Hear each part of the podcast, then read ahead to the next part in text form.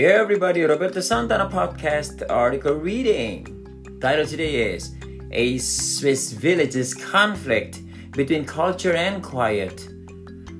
What comes to mind when you think of Switzerland? Chocolate, cheese, and cowbells?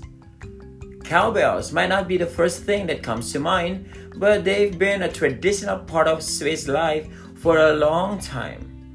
But in the village of Aarwangen, the sound of cowbells is causing a conflict between people who want to keep the traditional sound of the village and people who want peace and quiet.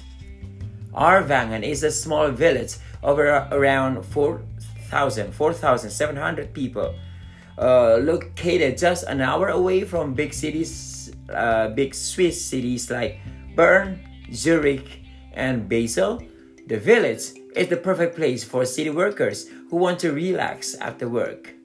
So, a growing number of new houses and apartments are being built on the edge of the village. But these new residents weren't happy with the sound of the cowbells, and some even asked the village council to remove the bells at night.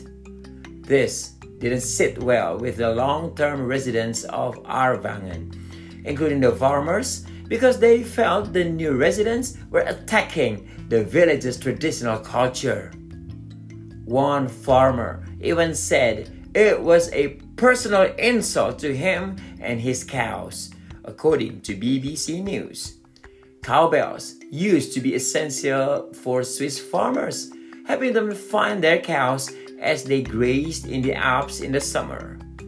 These days, cows have electronic chips and are kept in fields with fences, so cowbells are not as important anymore. But there are still farmers who like to keep their cows wearing cowbells, insisting that it's part of Switzerland's traditional culture. A public meeting will be held in December to vote on the future of cowbells in Aarwangen. Thank you so much, everyone. That's it. I'll see you around later. Good. Bye. Stay happy. Stay healthy. See you.